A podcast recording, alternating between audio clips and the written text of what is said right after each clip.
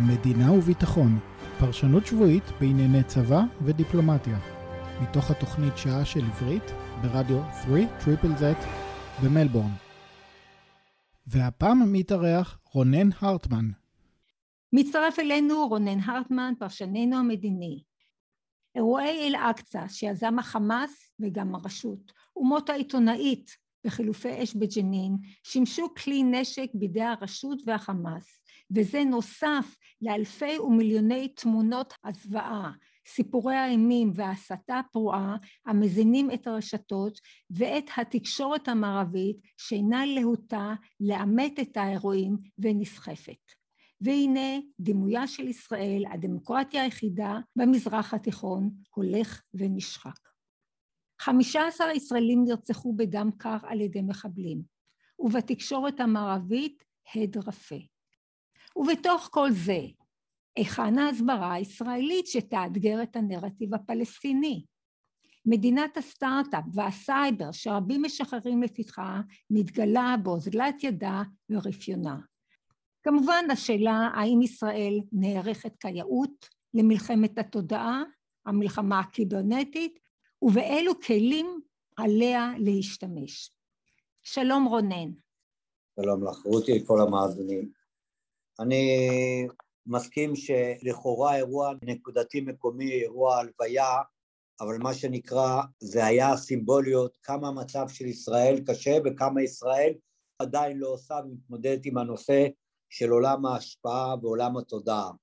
אז על מנת שנבין על מה אנחנו מדברים, אני חשוב לי קצת אה, לפני זה להציג כמה מושגים אה, שאיפשהו מתכללים את הנושא. אז אם אנחנו קוראים, הכותרת שהיא נפוצה, זאת אומרת, כל התחום של ההשפעה והלוחמה הפסיכולוגית ותרמית, זה דבר שכבר אה, לא מאות, אולי אלפי שנים, לא מעט סיפורים בהיסטוריה. היום אנחנו מדברים על הלוחמה, התודעה הקיברנטית, בנושא של שדה הסייבר. ולמה אני מתכוון? אז קודם כל, מה זה קיברנטי? קיברנטי זה כל הנושא של תקשורת ויחסים בין בני אדם אבל בעיקר באמצעות העולם הטכנולוגי, באמצעות המחשב, ואם אנחנו מתרגמים את זה אה, לצורה יותר פשוטה, אני מדבר על מרחב הסייבר בכלל ורשתות החברתיות בפרט ככלי ליצירת שינויים חברתיים ופוליטיים ולעיצוב התודעה.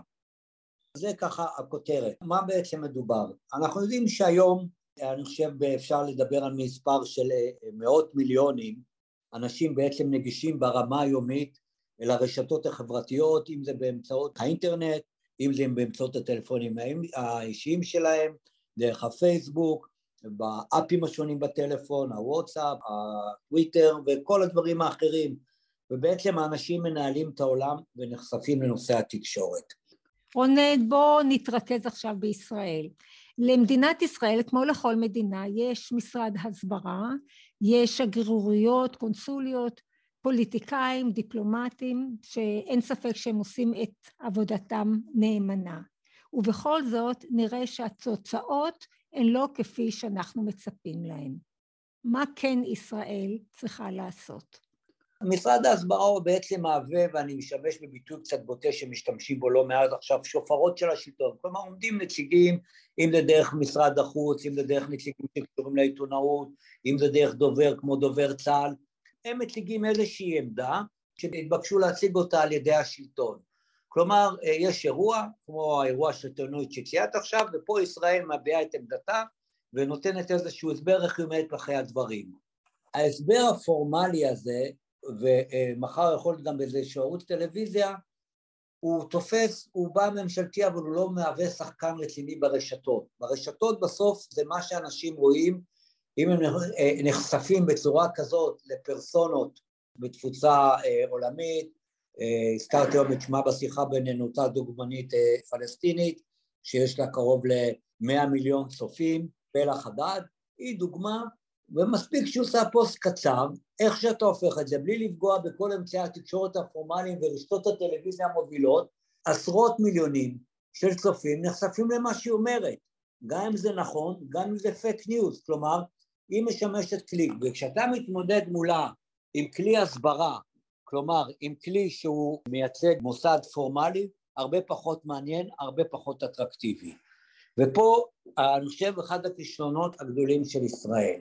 ולמה? כמו שהצגת בפתיח דברייך, מדינת הסייבר, חברות ישראליות שידועות בשוק, חלקם חשופים להם, חלקם לא, שעוסקות בעולם ההשפעה, עוזרות למפלגות, לארגונים, לגופים בכל העולם, בתרגילים טכנולוגיים להעביר מידע וליצור את, את ה, מה שנקרא, ליצור את התמונה הנצרכת, לא מגויסים לתהליך. וזה אחד הכישלונות של המדינה, דווקא אצלנו בבית, שיש לנו את כל הכלים האלו, מדינת ישראל, מדינת ישראל לא מנצלת אותם. ואני רק אתן עוד משהו קצר, בדיוק הדוגמה שאת נתת, וזה מאוד אה, לא משהו היסטורי, אלא משהו שנתת, גם הדוגמה באירוויזיון, בא נציג, פשוט מאוד לא רוצים להתייחס אליו, הוא ישראל. אם היה promotion נכון, אם היה אה, הדברים מוצגים נכון, יש דברים עקרוניים לאורך שנים, הבעיה הפלסטינית וכדומה שמנסים להציג, אבל פה נקודתית, בעקבות האירועים האחרונים לא רצו לדבר איתו, כי לא הייתה מתקפה תקשורתית אה, קיבריטית ברשתות, ברשתות החברתיות, בצורה חכמה. מהי צורה חכמה לעבוד? שישראל כמדינת סטארט-אפ וסייבר, שיש לה את כל הכלים שעומדים לרשותה כדי לנצח במלחמה הזאת, או לפחות לצאת מאוזנת. אתה רוצה ליצור את התודעה, אתה קודם כל בונה את המסר שאתה רוצה להעביר. השלב השני, איך אתה מפיץ אותו. אז פעם אחת יש לא מעט אנשים, גם אנשים פרטיים במדינת ישראל, אנשים חכמים, אתה יכול לבנות פורום גדול של אנשים, שפה אתה נוגע בנושא פוליטי, אתה נוגע בנושא שהוא עיצובה של מדינת ישראל, ואומר להם, אוקיי, אתם תבנו את מה שאתם צריכים לעשות ותפיצו לכל מי שחשוף עליכם אותם, לא מעט אנשים פרטיים בתחומים עסקיים, בתחומים כלכליים, אנשי אקדמיה, שיכולים דרך הפוסטים שלהם להפיץ את המסר. עכשיו זה כבר יכולת אחת שזה עובד במה שנקרא במדיה החברתית, אה, ברשתות החברתיות. איפה הנושא הטכנולוגי והסייבר? אתה יכול לעשות הרבה מאוד דברים מתוחכמים. לדוגמה, אתה יכול לקחת וללכת לבלה חדיד כזאת ולהיכנס לטוויטר שלה או לרשתות שלה ולבנות סרטון חכם שמציג עמדה נגדית, שמישהו השקיע מחשבה, שמעביר את המסר הנכון או את המסר הנוגד למה שאמרה. ואותם עשרות מיליונים שנחשפו אליה, בדבריה שלה ייחשפו לאותו סרטון. עכשיו נכון שבאופן הרגיל, אני בכוונה טיפה יורד למה שאנשים מכירים, ניתן לחסום את זה, אבל ברגע שאתה מפעיל את היכולת הטכנולוגית אתה יכול לפתוח כל דלת, וגם אם תחסום מפיץ כזה או אחר, יהיה אפשר אה, לעשות הפצה אחרת. דבר שני, יש את עולם הבוטים והאבטרים. אתה יכול לשכפל ולהעביר את המסר בהרבה מאוד צורות אחרות. לטרגט קהל יעד, מה זאת אומרת?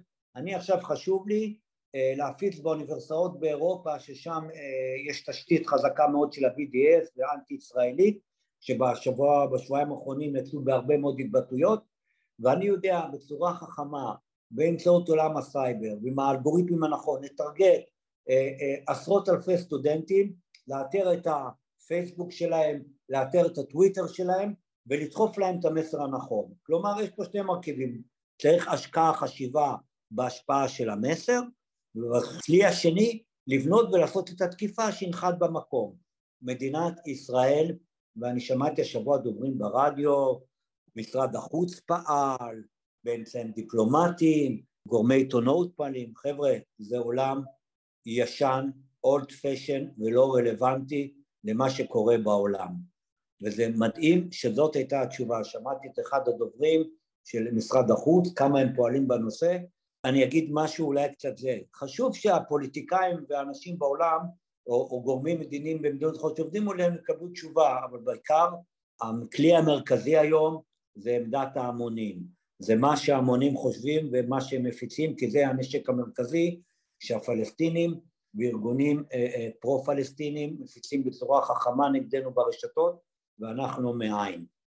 למי שהצטרף אלינו עכשיו, אנחנו משוחחים עם פרשננו המדיני רונן הרטמן בנושא תקשורת קיברנטית, כי זה נושא שעולה כל הזמן בגלל ההסתה הפרועה של BDS, הפלסטינאים הערבים נגד ישראל, וישראל מוצגת כחסרת אונים ובאוזלת ידה. רונן, בבקשה. במלחמה הזאת גם צריך, כמו שאמרנו, להיות חכמים ולא תמיד צודקים, והכלים האלו מעבר למה שאתה מפעיל ברשתות, אתה גם יכול לאסוף מידע על הבן אדם הרלוונטי שעושה את הנזק או על הגוף הרלוונטי, ברגע שאתה חודר לו לקרביים, וגם זה אפשר לעשות, ולחדור מה שנקרא למאגרים המוחשבים שלו, להבין מי הדמויות שעובדות שם, ולנטרל את האנשים הפרובלמטיים, זה כבר שלב מתקדם, אבל גם כאלו, יש אנשים מרכזיים היום בעולם ההפצה, אבל אני פחות אומר עולם הערבי, אני בעיקר אומר על כל, אבל אני כרגע מתמקד בכל נושא של הסיפור הפלסטיני, ואנחנו ראינו את זה, כמו שציינת בפתיח דברייך, רותי, סביב העיתונאית, איך גלגלו את האירוע, איך הרשות ישר לא הסכימה להתערב, איך היא הפכה את זה לאישו רציני מאוד, כמובן רשתות הטלוויזיה אל-ג'זירה, לפני שהספקנו להגיד בוקר טוב, ישראל הרגה וישראל הרצחה, ופה צריכים להיות מוכנים. אז אירוע כזה קרה מה שנקרא והפתיע, אבל צריכים להיות מוכנים מראש. וניקח עוד דוגמה שרק מראה מה שנקרא עד כמה אנחנו חשופים ולא רלוונטיים, זה אירוע הלוויה. היה ברור שהלווייתה תהיה נושא מרכזי. אז א', פעם אחת תהיה חכם ותיערך, תעשה הפוך על הפוך, קח את ההלוויה, ובמקום לתקוף עם שוטרים, תבנה איזשהו סיפור, תצלם אנשים, איך מחבלים, שחלקם טרוריסטים בארגונים נושאים ארון, תצליף את התמונות שלהם, כלומר אני לא רוצה להיכנס לאיזשהו תסריט פה, אבל אם היינו נערכים לזה, לפעילות הזאת, ברמה ההסברתית, ואז ברור שאיתן עשה טעות שאותו שוטר בצדק או לא בצדק היכה את נושא הארון, ולא משנה אם היה בארון, גם אם היה גדול המחבלים, מי שתוקף ארון, לוויה, זה משנה את כללי המשחק, אז זה שוב קשור להבנה והשפעה בתודעה, ועל זה נופלים. מה שאני מנסה להגיד, אתה רואה פוליטיקאים, אתה רואה מפגשים בינלאומיים, אתה רואה זה, דעת הקהל לא מושפעת, היא מושפעת מתצלום של שוטרים שתוקפים את הארון, ופה אנחנו צריכים להיות חכמים ולהפעיל את הכלים החכמים ולעבוד גם בצורה ערמומית ומתוחכמת, גם היא דורשת פעילות אקטיבית של תקיפה, של איסוף מידע ובניית סיפור הרצוי לנו, מה שנקרא להפעיל אותו ולהפיץ אותו ברשתות בצורה הנכונה והחכמה. רונן, רוב תודות לך. ובאמת כואב הלב כשאנחנו שומעים היכן ישראל נשרכת מאחור. אין מה לומר. תודה רבה לך, שבת שלום, ואנחנו נשתמע בשבוע הבא. שבת שלום לך, רותי, ולכל המאזינים, ולהתראות. שוחחנו עם פרשננו המדיני רונן הרטמן. הריאיון אליו האזנתם עכשיו שודר בתוכנית שעה של עברית ברדיו 3 Triple Z במלבורן. התוכנית משודרת כל יום שישי בשעה שלוש אחר הצהריים, שעון מלבורן. ניתן להאזין לה ברדיו באזור מלבורן בתדר 92.3 FM ובכל מקום בעולם, באינטרנט, בכתובת www.3zzz.com.au.